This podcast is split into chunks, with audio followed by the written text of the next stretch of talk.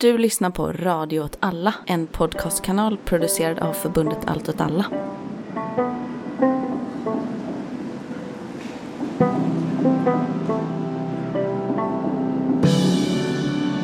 Hej och eh, välkomna till Mina drömmars stad avsnitt 16. Eh, det här är en podcast om Stockholms lokalpolitik. Eh, jag heter Kalle och med mig som vanligt har jag Anna och Mm. Mikael. Hej. Hej, hej. Hej. Eh, vi har också en eh, fjärde medlem av podden här någonstans. Det är en katt i rummet. Vi får se om eh, eventuella sabotage av inspelningen kommer förekomma. Mm. Ja, det är i alla fall premiär för Katt Mm. i rummet-podd, för det har vi inte haft förut. Nej, Mm. Det är som att man, ö- man liksom steppar upp svårighetsgraden lite kanske. Mm. Mm. Det här avsnittet är det sista vi spelar in för i år. Så det känns eh, lite speciellt kanske. Vi ska prata om lite nyheter. Sen så har det varit så att eh, vi har en ny, nya budgetar både i region och i kommunen. Vi nämnde lite snabbt om kommunbudgeten förra avsnittet, men vi kan prata lite mer om det idag. Och sen så ja, ska vi säga hej då till 2023. Det, det är det som är på agendan. Mm. Mycket på agendan. Mycket på agendan. Eh, Anna, vill du ta den första nyheten? Ja, först och främst så vill ju vi som Stockholmspodd då rikta ett eh, varmt eh, grattis till Bayern som vann SM-guld. Nu är väl inte det en nyhet när det här släpps, men eh, den 11 november så man måste kanske säga vilken sport också. Det var i fotboll. i fotboll. Ja, Bayern Eh, damer vann precis. ja. Och det var lite så här, jag försökte sitta och förstå hur, för framförallt vill man ju veta vilka vann de mot, typ så. mm, det är inte så det Eh, och så satt vi och försökte förstå hur allsvenskan fungerar. Eh, och det är bara så här, den som får mest poäng vinner. Och de som fick näst mest poäng var Häcken, som är ett lag då tydligen, som är i Göteborg, Det stämmer. enligt mitt i. Fot- Fotbollskunskaperna. Eh, Och då fick vi en följdfråga som Mikael, alltså så här, vi frågar, alltså göteborgarna, varför har de så många olika fotbollslag i Göteborg? Varför är ni så splittrade? För de har liksom fler lag än vi har och vi är fyra gånger större. Mm. mm, det är oproportionerligt. Ja, Färre lag i Göteborg. Tack. yes. Ja. Eh, nästa nyhet är Hammarbyskogen. Eh, vi har pratat om det tidigare i podden. Det var stora planer på att man skulle ha ner en massa träd i Hammarbyskogen och bygga massa nytt. Eh, det var lite så mm, lokalt motstånd där förra vintern, eh, lite mm, typ eh, blockadaktigt. Vad, vad har hänt här, Anna? Eh, aha, nej men eh, nu har det rödgröna styret då i stan eh, bestämt sig för att stoppa planerna på eh, bostäderna som man ville bygga i Hammarbyskogen. Mm, och eh, de lovar då på sin Instagram i alla fall, Miljöpartiet, att inga nya vägar kommer att byggas genom skogen. Men det är väl också det att de slipper liksom stängsla in hela skogen under flera år. För det var väl det som var problemet Eh. också, att ingen skulle få tillgång till att vara där. Ja, Eller? kanske. De ska ju fortfarande bygga den här äh, arbetstunneln för Stockholm Vatten och Avfall. Eh, och då kanske det i samband med ett sånt bygge kanske det ändå kommer förekomma in, en del instängsling, skulle Mm, jag Men tänka mig. jag trodde att de redan hade byggt den, eller redan börjat bygga den. jag, förra jag tror vintern. inte den är färdig. Det är en tunnel. Så det de gjorde förra året var att de började, ja men tunnel, men att själva vägen de ska bygga, Ja, jo. tror jag de har gjort. Ja, det kanske de Eh, har. Eller de högg ju ner träden i alla fall. Ja. Mm. Eh, mm. Men eh, det är ändå en, delvis en eh, vinst för Hammarbyskogen och de som har kämpat för den. Det är Mm. kul. Eh, det är liksom snö ute nu idag eh, för första gången den här vintern. Och jag minns förra vintern att det var så här, det var då det var så här supermycket snö så att massa grenar började rasa och sånt som det var liksom som mest så här eh, dramatiskt där i Hammarbyskogen. Och att man liksom inte kunde vara där och protestera för att det var typ farligt. Jo men typ, alltså jag tror att det var folk som planerade att vara där i alla fall. Men man insåg ju att så här, det är typ farligt att gå ut. Mm. Ja, det var Eh, väldigt dramatiskt. Och apropå snö så skottas det snö utanför. Ja, just det. Så eventuella oljud får ni ursäkta. Mm, jag ser bra mina sådana här mm, olika ljud eh, eller så här oljudsreducerande filter där. Eh, Man vet aldrig. Mm. Mm. Ja. Eh, snöskottar filtret. Exakt. Kalle, har inte du en glad nyhet för eh, Stockholms ankor och typ gäddor? Både ankor och gäddor. Ja, där är den. Eh, ankor vet jag inte, eh, men en lite cool grej, det byggs ju som bekant liksom nya linjer på tunnelbanan i Stockholm. Eh, och en håller på att byggas ut mot eh, Nacka, liksom, där de håller på att du vet, spränga och, bygga tunnlar under vattnet, väldigt avancerat. Eh, och från det här så liksom blir det ju massa bergmassor och liksom, eh, ja, men sånt som man liksom inte vill ha kvar när man gräver ett stort eh, hål genom berg eh, som behöver liksom fraktas bort. Eh, och nu är det en lite cool grej att liksom istället för att behöva typ frakta bort det här då från Stockholm helt och hållet så eh, finns det planer på att man ska eh, anlägga liksom en, en lagun och ett rev vid eh, typ, vad heter det, Blockhusudden på Djurgården. Det finns en udde som heter Blockhusudden. Ja, men det, det är Eh, där. ja. Mm. Och eh, det är ganska häftigt tycker jag. Ett sätt att liksom ta tillvara på eh, rester från ett byggprojekt till att göra någonting som är, liksom är bra för den biologiska mångfalden. Så ja, det tyckte jag var coolt. Eh, det är liksom, så att det här det ska bidra till att det blir bättre miljöer för då till exempel gäddor och abborrar i stads, stadens liksom vatten, eh, vilket vi inte har haft så bra möjligheter för hittills. De kallar det ett kungligt rev också, för att det är ju på Kungliga Djurgården. Det är lite fånigt. Alltså är det lokaltidningen som kallar det det, eller är det... Ja, I mitt i så står det det. Jag vet inte om de Ja. själva kallar det för det. En annan grej eh, som hände i veckan var att eh, det kom en dom mot en eh, klimataktivist som har deltagit vid en eh, blockad i Stockholm eh, på Kungsgatan typ förra sommaren. Jag kan ta upp detaljerna. Precis, han blev dömd för ohörsamhet mot ordningsmakt. Eh, men det som är intressant är att eh, straffet då som skulle vara på dagsböter, att det inte blir något sådant. Eh, och tingsrätten skriver då att det är fråga om ett akut nödläge och effekterna av klimatförändringarna är redan påtagliga. Så det väljer då att inte liksom ge någon böter, även fast de liksom, säger att han har brutit mot lagen. Så det är lite intressant. Ja, Att det verkligen är det de skriver i sitt, eh, vad säger man, utlåtande? Ja. Heter Mm. det så? Nej, Jag i sin dom. Heter I domen. Ja. Ja. Eh, också. Är väl, Mm. för jag, jag har väl fått lite viben tidigare av att ehm, många har ju fått böter eh, mm. och sånt. Ganska mycket böter också till och med. Mm. Vi var ju en gång på en rättegång för en kamrat som hade gjort en klimataktion till exempel. Mm. Eller det har väl hänt mer än en gång. Men då kändes det lite mer som att så här, domarna var lite bara, ja men det här, alltså det känns ju inte liksom rätt att typ, döma i det här att de liksom, ja men helst kanske inte gör det. Eller att, Mm. att man märker det lite, att, så här, de, men att de då hittar på något, eller hittar på, men liksom att de hittar något annan anledning att så här, åtalet ogillas eller någonting. Eller bara, Ja. men det här var inte riktigt så som ni säger, eller att man hittar någonting annat. Liksom. Men Alltså att de kanske hade kunnat så här, döma personerna om de hade envisats. Liksom. Men jag tycker det ändå är intressant när domstolar, det kanske är från en så här, om man är så här byråkratisk, eller så kan man tycka det är fel att domstolar är godtyckliga på det sättet. Men på andra sidan tycker jag liksom att det finns ju en poäng i, nu blir det en liten avstickare här, men i de större städerna i Norge så har ju domstolarna gått ut och sagt att de har slutat döma för ringa narkotikabrott. För de tycker det är helt meningslöst att man ska straffa folk. Um, så det är fortfarande olagligt. Ringa narkotikabrott finns i Norge. Men i de stora städerna blir du inte dömd för det. Mm. Alltså Och- för att det tar för mycket tid för dem att, för Ja, att det är så vanligt? Eller det är så vanligt och det är helt Mm. meningslöst. Det hjälper ju ingen.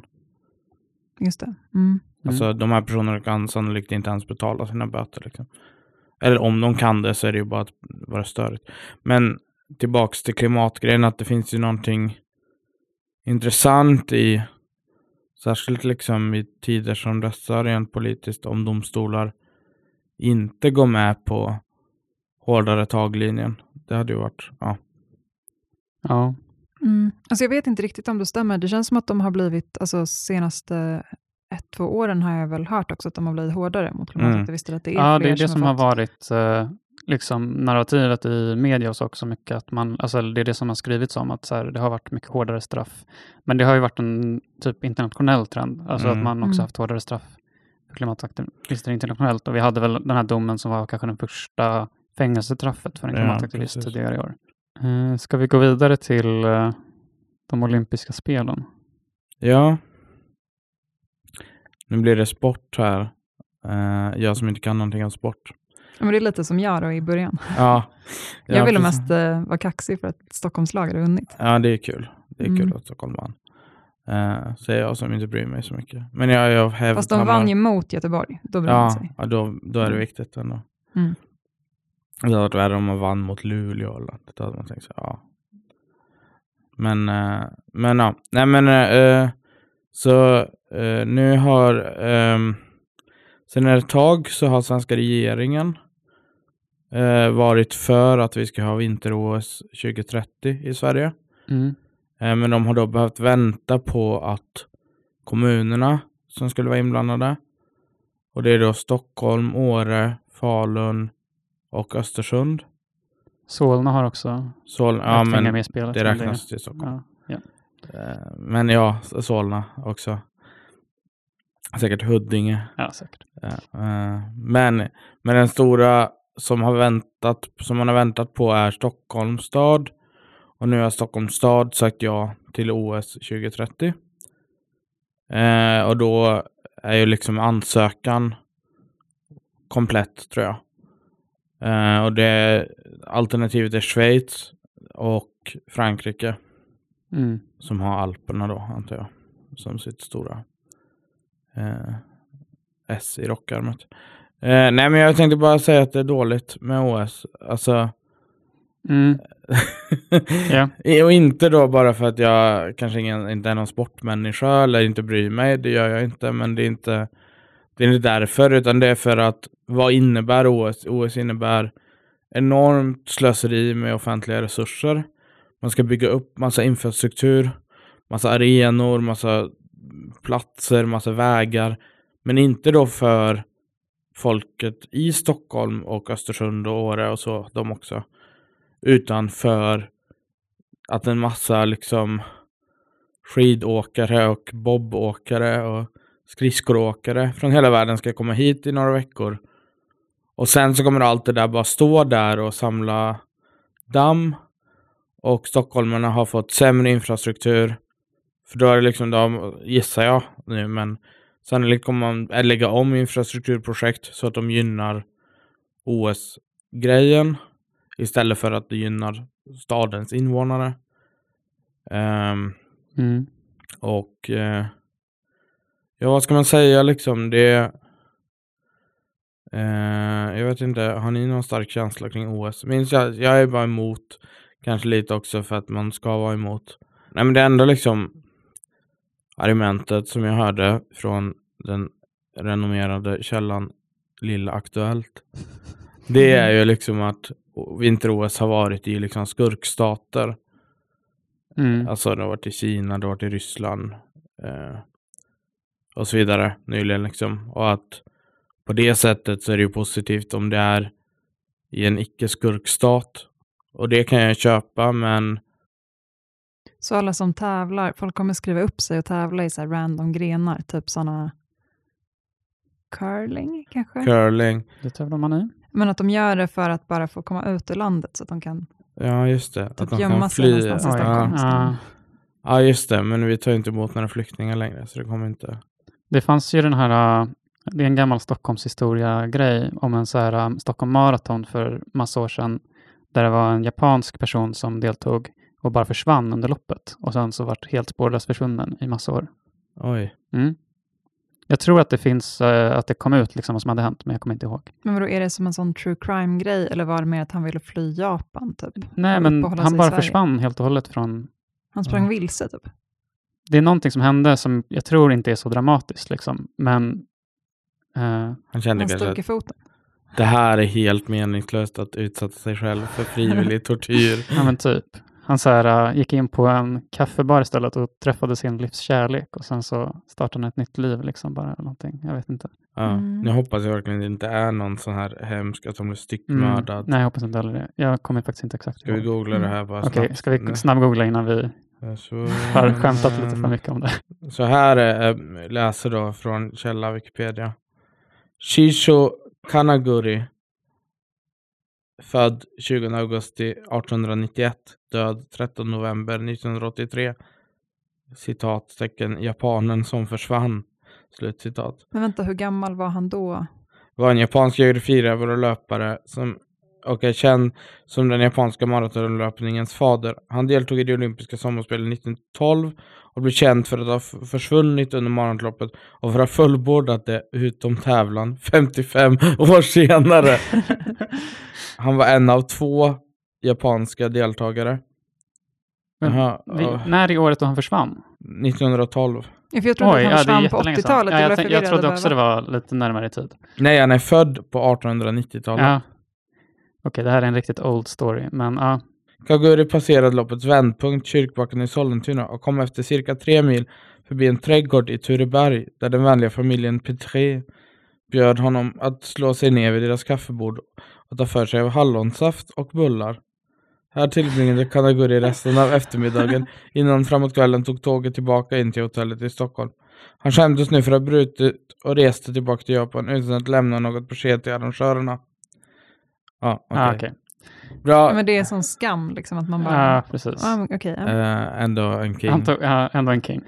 Eh, det finns tydligen en minnesblankett för honom någonstans i stan. Mm. Oj, ja. Men, så, och sen så åkte han ju då tillbaks 50 år senare och slutförde loppet. Ja, precis. Det är coolt. Ja, ja. Så att han inte skulle ångra det på sin dödsbädd. Mm. Mm. Där har vi lite, mm. lite Stockholmshistoria. Ja, nej men helt enkelt OS. Var, var, alltså det kommer tillbaka till den frågan. Till vem är staden för? Till vem är kommunen för? Är den för turister? Är den för internationella sportevenemang? Eller är den för sina invånare? Och i den målkonflikten som det ändå blir så tycker jag att man ska välja sina invånare. Och det behöver nog satsas på idrottsinfrastruktur i Stockholm. Och det tycker jag man ska göra. Men då ska det vara infrastruktur som är till för stockholmare och inte liksom byggt för OS-arenor. Mm. Det, ja, nej. Bygg eh, så här danssalar till sådana 12-åriga små tjejer som vill dansa typ streetdance. Ja, Mm, absolut. Mm, det var våra nyheter.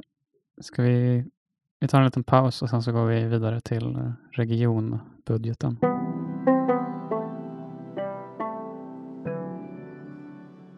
Okej, back in business. Då ska vi först prata lite om eh, Region Stockholm, Mm, Region eh, Stockholms budget. pengarna där. Var de har lagt slantarna. Eh, vill du introducera? Ja, jag kollade på den här. Jag har inte läst den jättenoga för att vara ärlig då, utan jag har tittat på den lite snabbt.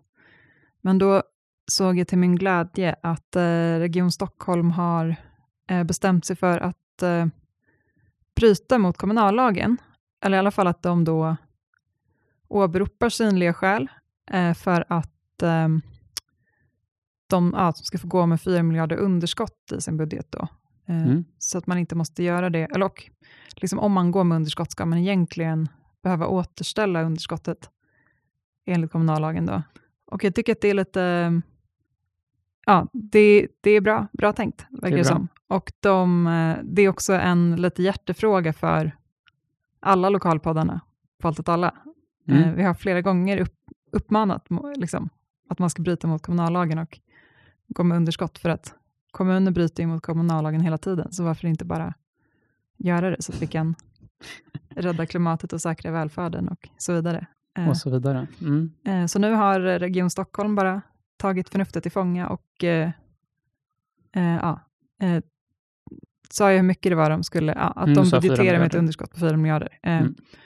Och varför man gör det här är för att kost, pensionskostnaderna kommer öka under 2024. Och det är tydligen för att, eh, ja vad sa du Kalle, du hade kollat upp det här, räntor och typ saker. Ja, inflationen gör så att de pensionskostnader och den pensionsskuld som regionen har som arbetsgivare när man betalar in pension till sina anställda, den ökar på grund av inflationen.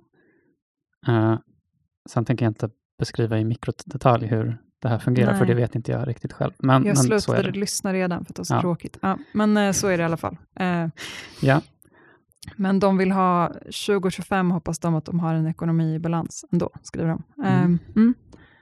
Ehm, men de har ju då, trots det här så har man besparingskrav på 2 miljarder kronor.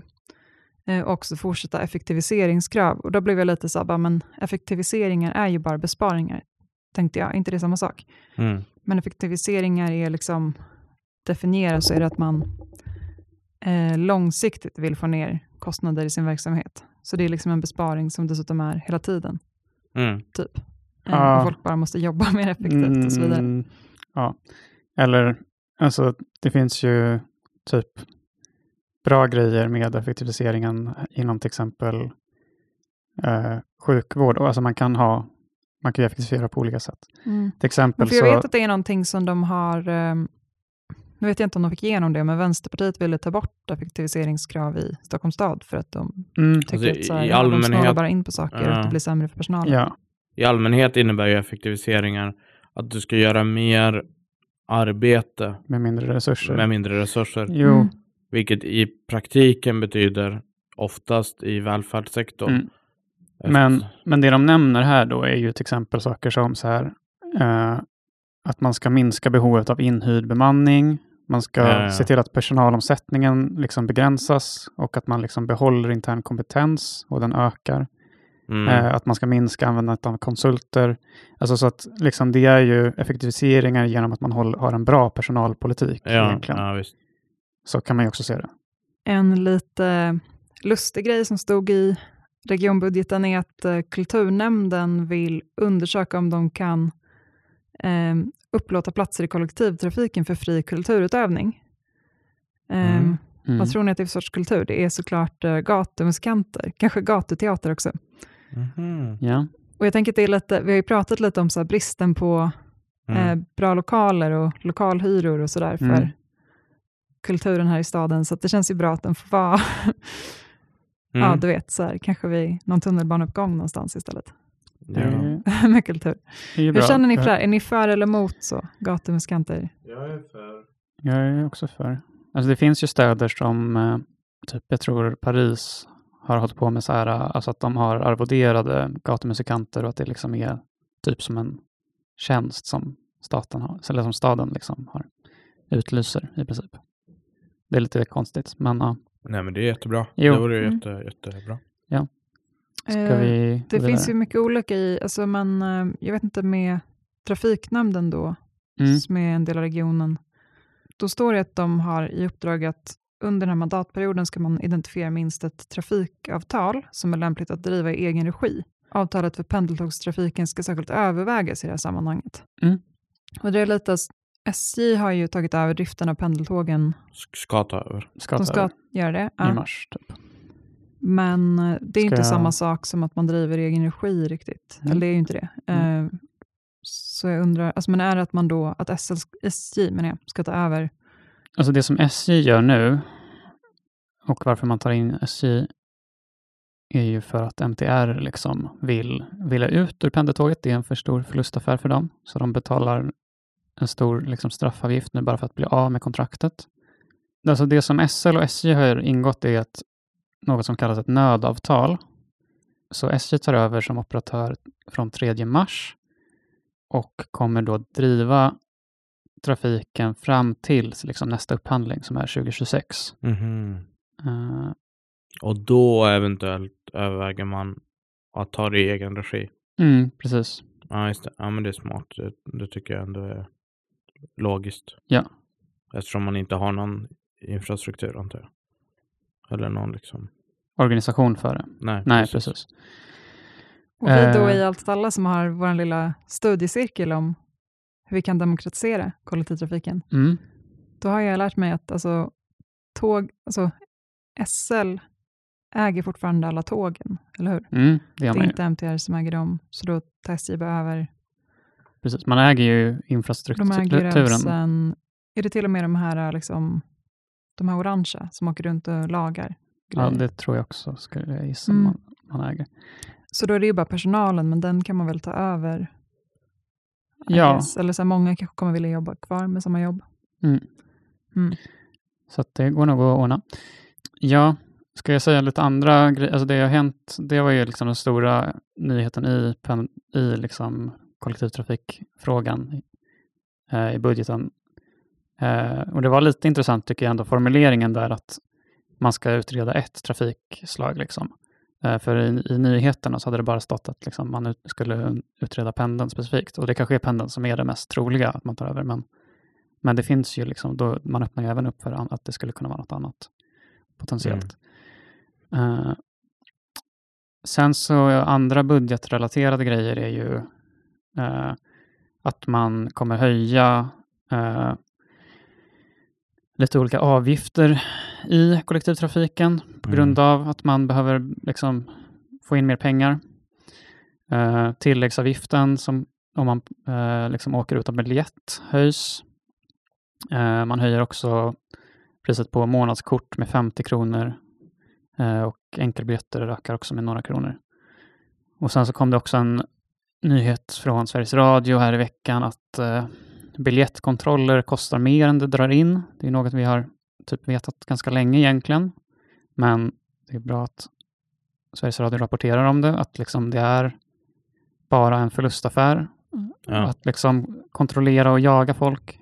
Men är, ja, man har de räknat på typ så här hur mycket man får in i böter, då är Ja. det ju klart att det går minus. Men är det inte att de har dem där för att de vill skrämma folk att planka mindre? Alltså det är ju det som är hela Ja, jo, det syftet med dem. Inte att man ska dra in, det är som att så här, förseningsavgifter på bibliotek är ju inte för att få Jo, pengar till precis. biblioteket. Men då är ju frågan om, alltså så här, man satsar ganska stora pengar på de här biljettkontrollerna. Väldigt stora pengar, ja. Och är det då värt det? Nej, Nej. eh, det är inte värt det. Eh, även, alltså så här, och visst, alltså plankningen har gått ner. Eh, Mm. är också en grej, att man, men Ja, alltså, men grejen är ju att skulle jag hävda att det är ju rätt omständigt att planka. Alltså om man, om man inte tänker som jag då att kollektivtrafik borde vara gratis. Men det är ju väldigt svårt att planka i Stockholm. Alltså går inte att planka på bussar. Det, alltså det är i princip omöjligt. Alltså det, en busschaufför kan ju vara snäll så. nu har de ju, de har ju, på de blå bussarna Ja, har de förenklat, för nu får man gå på eh, där bak på de blå bussarna. Jag tror också det är enklare om det är rätt mycket folk på bussen, så går man bara på där i Ja. mitten, typ, Ja. samtidigt som någon går av. Eller Jo, barnvagn. men det är ändå rätt Mm. svårt. Det är Mm. inte, och det är samma att man måste hoppa över spärrarna eller liksom springa bakom någon. Mm. Jo, Man har ju ganska mycket antiplankningssystem Redan. igång. redan på plats. Liksom. Mm. Ja.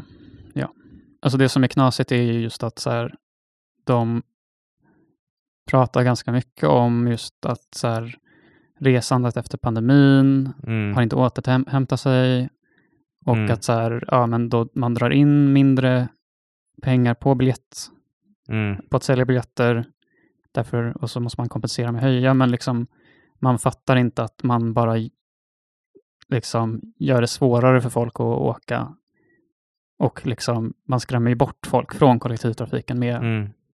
den politiken man för. Istället för att göra det mer tillgängligt. Ja. Ja.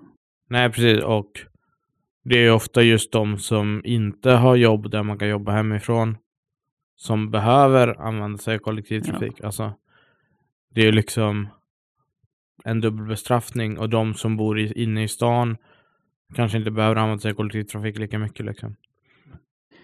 Eh, yes. Vi går vidare till kommunen. Eh, den stora nyheten där, och en grej som var i regionen är att de höjer ju eh, regionskatten också. Mm. Ah, jo, ah. det gör de Mm. Det glömde vi nämna.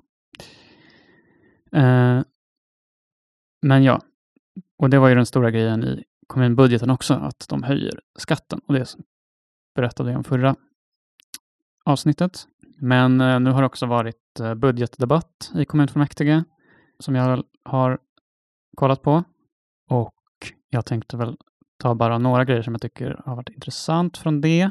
Jag tar först några generella grejer och sen så tar jag de stora så här, debattfrågorna är föga förvånande att eh, högern är väldigt sur på att de höjer skatten eh, och högern presenterar i sina skugg, så kallade skuggbudgetar eller Mm. att eh, de minsann kan göra jättestora satsningar utan att höja skatten, eh, men får då mothugget att så här, ni har ju bara typ fifflat med pengar, det här skulle inte funka i praktiken. Mhm. Så att det är bara låtsassiffror, eh, typ i princip, som de presenterar. Det är lite märkligt. Visst var det att Centerpartiet hade så här gjort någon egen uträkning? Mm, de hade typ gjort en något? egen demokra- demografisk undersökning som liksom vägde till deras fördel då, med typ så här hur, eh, den, hur demografin i Stockholm skulle utvecklas på ett sätt som, där de kunde räkna på att deras budget skulle gå ihop. Men ja, det är Mm. Mm. fullständigt uh, oseriöst att hålla på så. Men debatten liksom kan sammanfattas som typ eh, Kristoffer Fjellner som är moderat liksom i kommunfullmäktige sa så här. Att klaga på att Vänsterpartiet höjer skatten är som att klaga på vädret i Borås. Mm. Eh, och liksom det, ja, alla bara, så här, det, här, det här är den politik ni står för, vi står inte för den. Nej, och sen så, ja, är, sen så är det inte så mycket mer med det. nej, men det är, väl, ja, det är väl bra att det finns tydliga alltså, Ja, skillnader. det finns tydliga skillnader. Sen så är ju den andra, så här, en annan het fråga är det här med ordningsvakter och trygghetsfrågor. Mm. Högern är väldigt sura över att man liksom inte satsar mer på ordningsvakter i, i kommunen. Mm. Och man säger att man har liksom helt och hållet tagit bort fasta ordningsvakter. Mm. Eh, och att vi nu bara har sådana som åker runt och liksom kollar läget på lite olika platser. ja, Eh, de är väldigt fasta i Hässelby fortfarande. ja, men då är väl grejen att de inte är kommunalt anställda kanske. Nödvändigtvis. Det kan ju vara centrumägaren. Det kan vara jag minns inte om det är ett kommunalt centrum där eller om det är Nej, det vet jag privat. inte. Ja. Men för att grejen är att i alla fall Vänsterpartiet hävdar att eh, man liksom aldrig har haft i kommunen fasta ordningsvakter som liksom är på en plats och Mhm. bevakar. Utan det har alltid handlat om att man, man har eh, sådana som cirku- cirkulerar. Sen så finns det ju folk, alltså ordningsvakter som bevakar vissa specifika Mm. platser, men de är inte kommunalt anställda. Okej. Ja. Och så mycket prat om så här, trygghet och otrygghet och eh, att så här, folk flyttar från stan eh, på grund av otryggheten, liksom, är något som de säger. Men alltså, ha, det är väl fortfarande stor invandring till Stockholm, eller? Jag tror att det vi minskar lite. Det minskar. Det har varit Jaha. kanske ja, men som pandemin Mm. ungefär. Ja, okej. Mm. För att det är så dyrt och för att folk har Ja. typ så här, jag vet inte vad, flyttat till sina sommarhus tror jag, under Ja. pandemin eller något och jobbar Ja. på distans. Men har man någon belägg för att folk flyttar på grund av otrygghet? Nej, det tror jag är ganska svaga belägg för. Ja, Eh. nej, visst. Alltså, om det är så är det ju Ja. liksom, alltså det vore ju. Men jag tänkte, för att det kom ju, jag såg en så här grafik som var från SVT tror jag, tidigare i veckan, som var en sån här uh, vart folk upplever, hur folk upplever Mm. otrygghet liksom. Och att så här, det är en ganska, typ en stor majoritet av Sveriges befolkning upplever att Sverige har blivit otryggare. Mm. En väldigt liten majoritet upplever att deras kommun är otrygg och typ 10 procent upplever att deras bostadsområde är otryggt. Ja. Och den här grejen med att så här, otryggheten är någon annanstans typ. ja, nej men visst, visst. Det var Eh, Bråa tror jag faktiskt. ja. som- Ja, det var Bråa, ja. Som kommer där. Eh, och det är typ någonting som jag eh, reagerade på också när man lyssnar på högerpolitikerna, att de är så här, fokuset ligger hela tiden på att det är en upplevelse av otrygghet för kanske typ deras väljarbas. Mm. Men att det är ju inte de som bor i de liksom otryggaste områdena liksom nödvändigtvis. Nej, eller Eh, inte nödvändigt. nej, det är, bara, det är inte så det är. Nej. Eh, och att man liksom fokuserar på Eller, att så här- det beror i och för sig ja. man räknar. Alltså, men, Jo, men man fokuserar på typ otryggheten, får folk att flytta från stan, det får turister att inte komma hit. Eh, och man just typ det. knappt alls om att så här, de som faktiskt bor i de här om- områdena där kriminaliteten är som störst. Liksom. Eh, Nej, det, nej, visst. Det. Sen är det ja, liksom, ja. Det är liksom sån så här, ja men gängen, typ att man så här ska vara hård mot gängen och liksom Mm. gå in med hårda åtgärder. Eh, men att det, liksom, det handlar aldrig om att det är att det, man gör det här inte för de som faktiskt är i fara. Liksom, utan Nej. Det är bara att folk är obekväma med att det skjuts liksom, någon annanstans. Typ. Ja, alltså det är ju... Det är, och det är hemskt ju såklart, men, Mm. men det är liksom Ja. en, retoriken jag tycker jag är ganska skruvad från högern där. Ja, det blir väldigt märkligt. Ja. De har inte pratat något om att införa sluta skjut då, ni som har läst. Nej, nej, jag har faktiskt inte... När det kommer till sådana så här, trygghetsstora satsningar så pratar man ju mycket typ om så här, de pilotprojekt man har drivit i Järva och sånt. Ja, Och att man ska göra det på andra håll.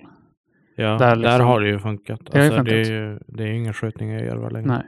Eh, och det, men då, det handlar ju mer om att få all, liksom, civilsamhället och olika Mm. kommunala aktörer att liksom, kraftsamla tillsammans på mycket och liksom, att man gör.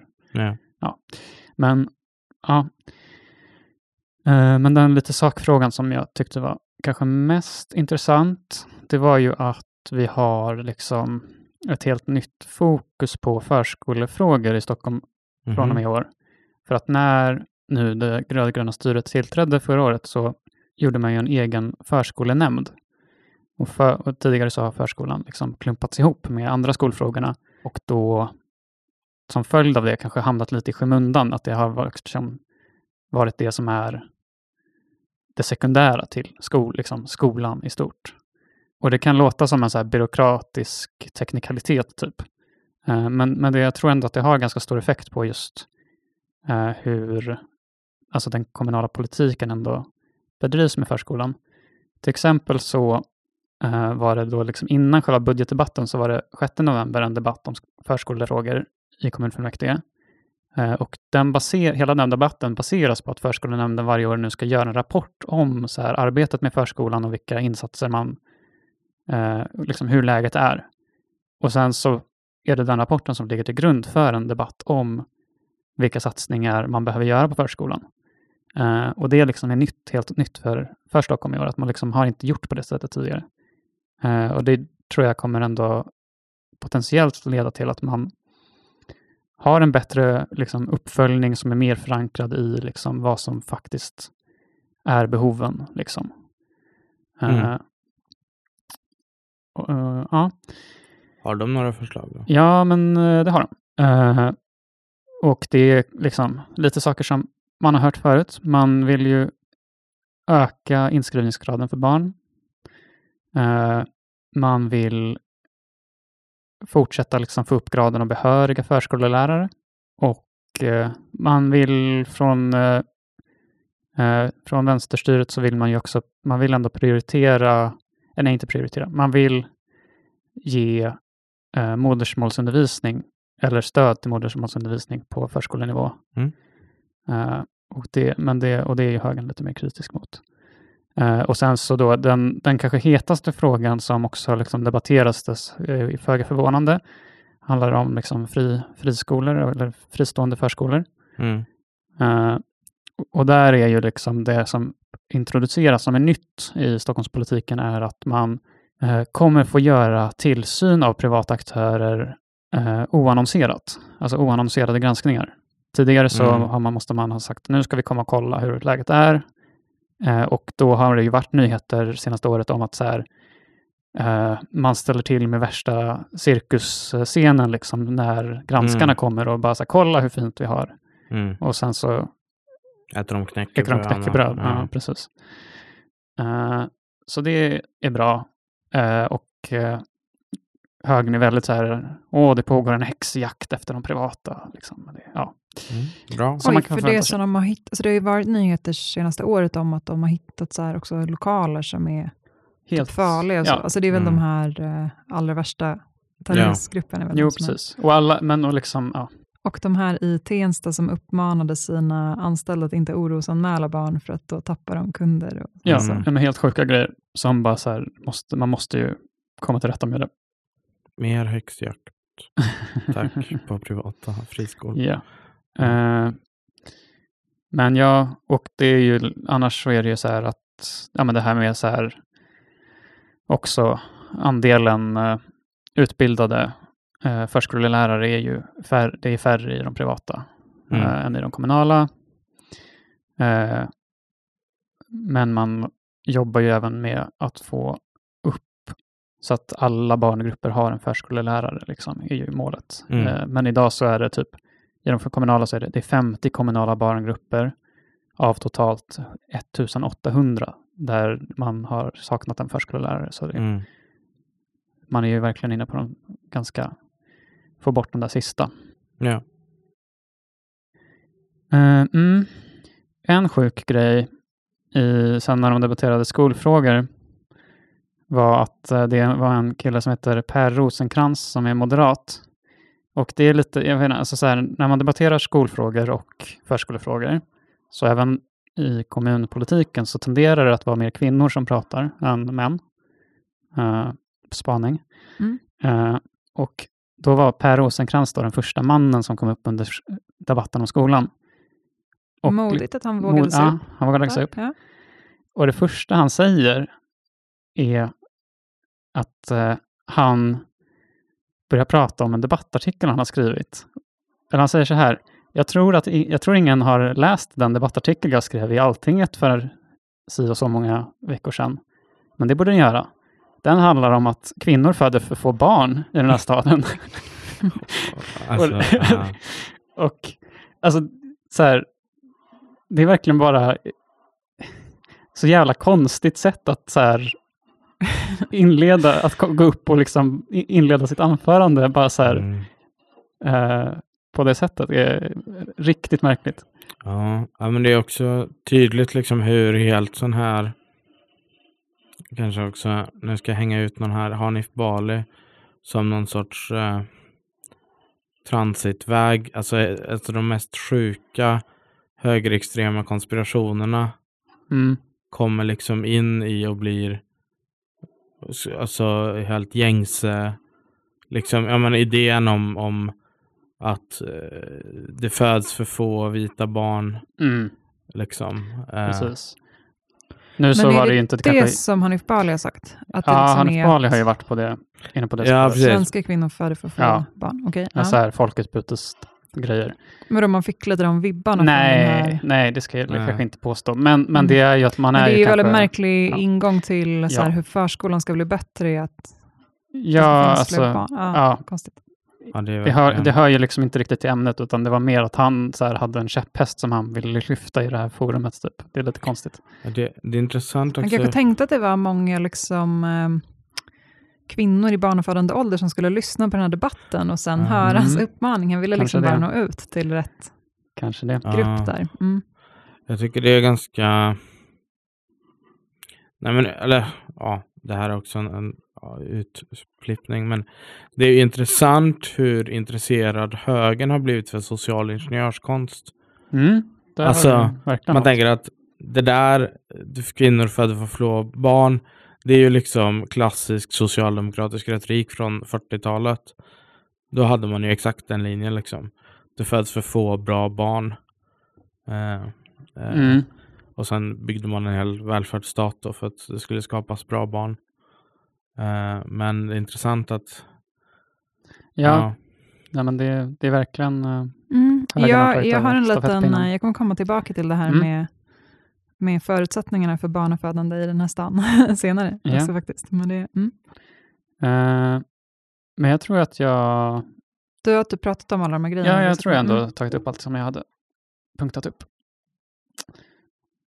Eh, vilket år vi haft alltså.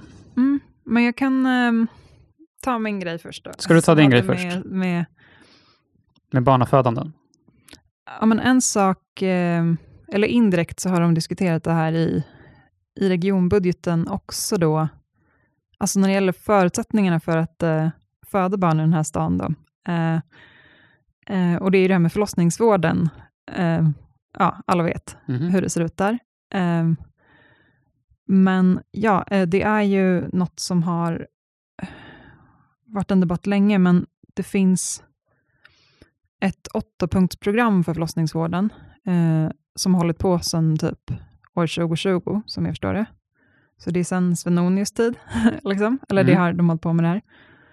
Eh, men de har också nu, det vet jag inte riktigt om det är eh, den här nya majoriteten då, eller eller minoritet är de väl inte, eller de är inte majoriteten, de är en koalition i regionen Mm. med Centern, sossarna, Och Miljöpartiet. Miljöpartiet med och så Vänsterpartiet har, de stöttar för att de får igenom en del punkter ibland. Precis.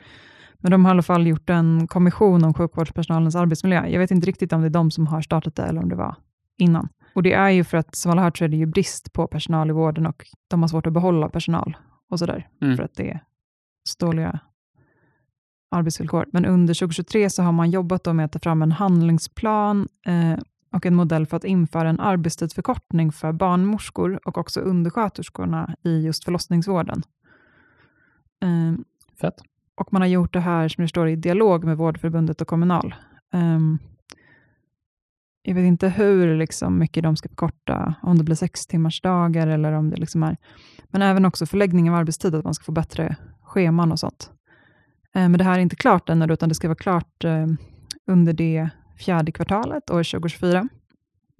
Så det är i slutet på nästa år? Mm. Men de vill också ha mer eh, ökat inflytande för personalen över verksamheten och eh, rotationstjänstgöring. Står det, alltså att man, jag vet inte om det är liksom att man ändrar vilka arbetsuppgifter man har eller vilka tider man jobbar. Men, ja.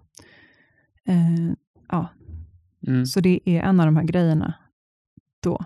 Eh, och jag tänker att det är en bra, bra nyhet för alla som är för arbetstidsförkortning. För att de gör det, om de gör det här och det är ly- lyckat så kan man liksom peka på det och säga att så här, men kolla här, Mm. Eh, sen är det en bra nyhet för alla som eh, ska få barn då. Eh, ja, 2024 eller 2025 får ni vänta till då med att skaffa barn. Om ni vill ha en lite mer utvilad eh, personal på förlossningen. Just det. Eh, Mm. Ja, det, det var den grejen jag hade. får, De eh, säger också att de ska ha ett mer inlyssnande ledarskap eh, i, i kommunen. Ja. Eh, ja, vad det nu betyder. Men det kanske betyder att man inte går upp på en demonstration eh, mm, som Svenonis gjorde, där så här, alla är där för att de har förlossningsvård och så säger man, nej vi har inga problem med Ja, förlossningsvården det överhuvudtaget. det man... Det är inte så inlyssnande, så Det det, kanske, det är kanske det de syftar på, eller så är det bara, det kan ju vara någonting de har hållit på med, alltså haft samma slogan förut också innan valet, jag vet inte. Ja. Mm, Men då är det lite att följa kommande året då. mm, kommande år, men eh, som sagt, alla föräldrar eller blivande föräldrar väntar till 2025 Mm. med det här, Skaffa inte barn just nu. precis. Okej. Eh, mm. Jag tänker ändå att vi borde liksom, det är, det är sista avsnittet på året. Säg några välvalda ord nu. Nej, men den liksom mest spännande storyn skulle jag säga har väl varit MTR, Mm. tycker jag. MTR och kollektivtrafik och pendeltågen. Mm. Där jag tycker ändå att alla vi som har varit emot att MTR kör pendeltågen och hur de gör det har ändå i alla fall uppnått någon sorts delseger. Mm. Att nu gör de inte det längre från och med mars nästa år. Mm.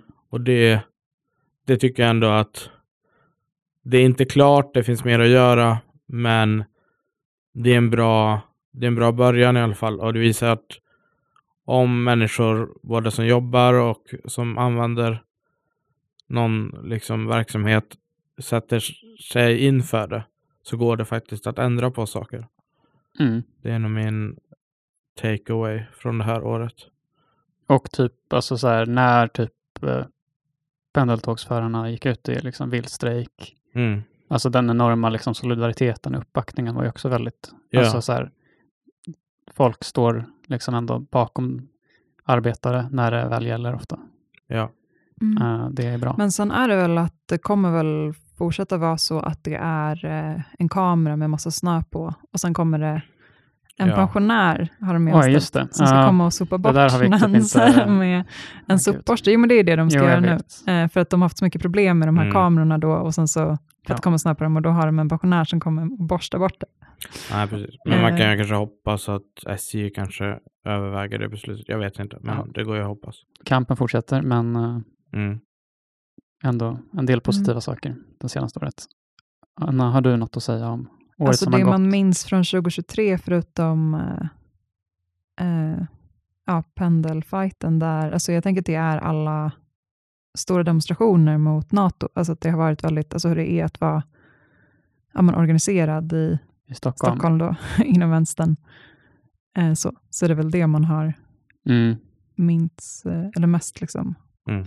Och hur det har varit att bo här är det ju liksom skjutningar och så. Alltså, Ah, jo. Och sen vad det är som hjälper mot det och liksom vilka satsningar. Alltså vi har inte följt det så mycket Nej. här i podden. Nej. Men, Det har tyvärr varit påtagligt. Jo, det har det ju. mm. Har ni något så här, uh, vad, ska vi, vad ska vi göra nästa år? Vad gör socialnämnden för någonting? Vi kan ta reda på det och Just så det. kan vi kolla. Är det en sån, uh, ett uh, nyårslöfte att vi, vi har inte bevakat typ uh, våra liksom arbetare inom social, det sociala? Ja, jag ska börja prenumerera på DN tror jag. Oj, Bara för att hänga med. ja, Mhm. jag kan ge det Men de är inte en. Stockholmstidning Ja, längre. Alltså då de så. skriver om eh, alla möjliga platser nu. Men de har ju De en har. Stockholmsdel. Ja. Just det. Ja, om Mm. jag kan få en inlogg av Du kan dig få så är jag glad. Ja. Mm. Det är bättre. Jag tycker att vi ska göra kanske en eh, så här, eh, mannen på gatan-intervju Mm. någon Mm. gång under nästa år. Det låter bra. Jag bara kom på det nu, att jag vill göra det. Ja, men det borde vi göra. Mm. Eh, mer sån, eh, jag tycker också eh, vi borde försöka ha med kanske fler gäster i podden. Det hade varit kul. Mm. Uh, Ja. nu sitter vi bara och har ett utvecklingssamtal för podden här istället. Ja, Eh, men- bra. Ja, vi, eh, det är bra. Det är bra. Vi behöver kan klippa det. Ja. Nej, men jag, jag tänker att vi ska ha mer temapoddar. Mm. Där vi lite går ifrån, så lite som Stig Dagerman-podden. Mm. Det var jättekul, Mm, jag håller med. Mm. jag. Tack Jag för, vill göra va? mera resereportage också. Det ska jag göra. För Okej. jag, ja, jag gillar mer att man är ute. Ute i fält. Mm, ute i fält. Ska Mm. du resa i Stockholm? Ja, ja, alltså åka till olika så här, delar av Stockholm för att typ, kolla vilken vibe det är där. Ja. Och så Mm. kan man... eh, Nej, men jag, det är Göra en jättebra. mannen på gatan-intervju. Det är olika Stockholmsförorter. Yes. Mm. Ja, ja, det borde vi Yes. verkligen göra. Eh, Okej, eh, Mm. tack för att ni har lyssnat på eh, vår podd det här året. Eh, vi återkommer efter nyår. Eh, om eh, man har eh, några slantar över så kan man stötta Radio åt alla på Patreon. Och eh, om man vill eh, organisera sig politiskt så kan man höra av sig till stockholm altatalla.se. Yes. Hej då! Hej hej.